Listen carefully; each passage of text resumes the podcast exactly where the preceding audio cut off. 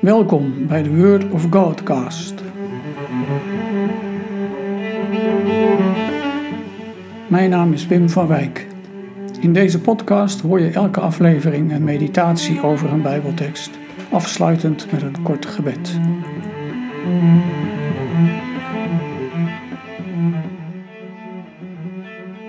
Vandaag over ervan genieten om met elkaar in vrede te leven, naar aanleiding van Psalm 133. Leven met elkaar als broers en zussen, als christenen.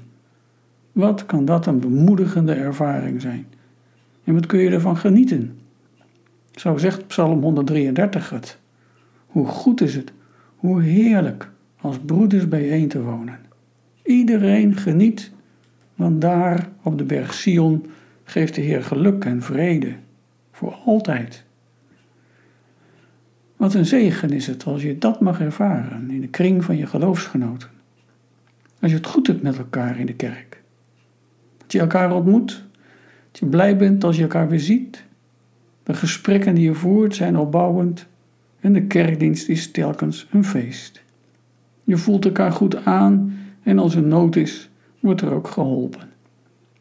En als er verschil van inzicht rijst, kun je er open en eerlijk met elkaar over van gedachten wisselen. Je merkt het natuurlijk en je weet het ook dat zo'n situatie niet vanzelf spreekt.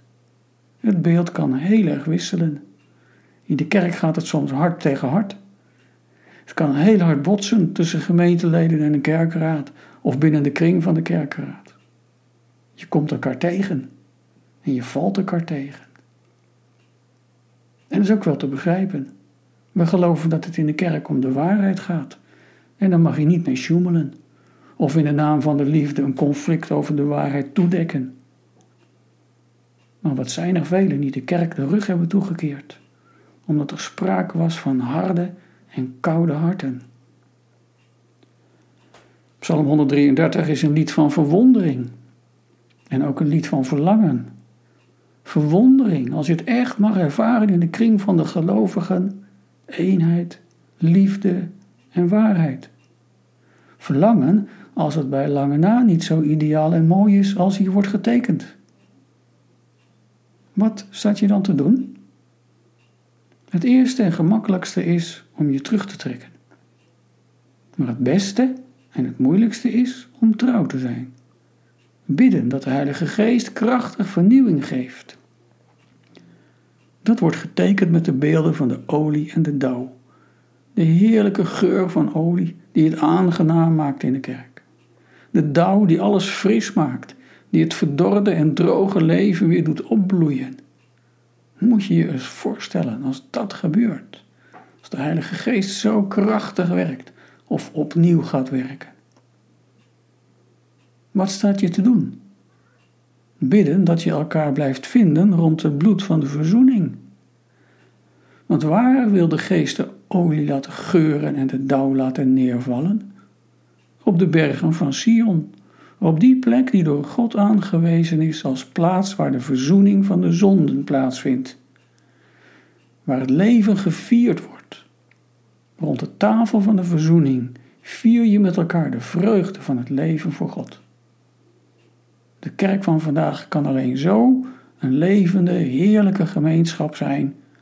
Een plek waar het leven gevierd wordt als het put uit de bron van Gods liefde, het offer van Jezus Christus. Denk hier eens over na. Waar ligt jouw diepste frustratie over de kerk? En wat geeft jou de meeste vreugde? En hoe ga je daarmee om? Laten we bidden. Heer, schenk uw zegen, leven voor altijd. Dank u voor de momenten en tijden dat we mogen ervaren hoe heerlijk het is om als gelovigen samen u te dienen. Schenk uw Heilige Geest in ruime mate als het samenleven in uw kerk dor en doods is. Door Jezus Christus onze Heer.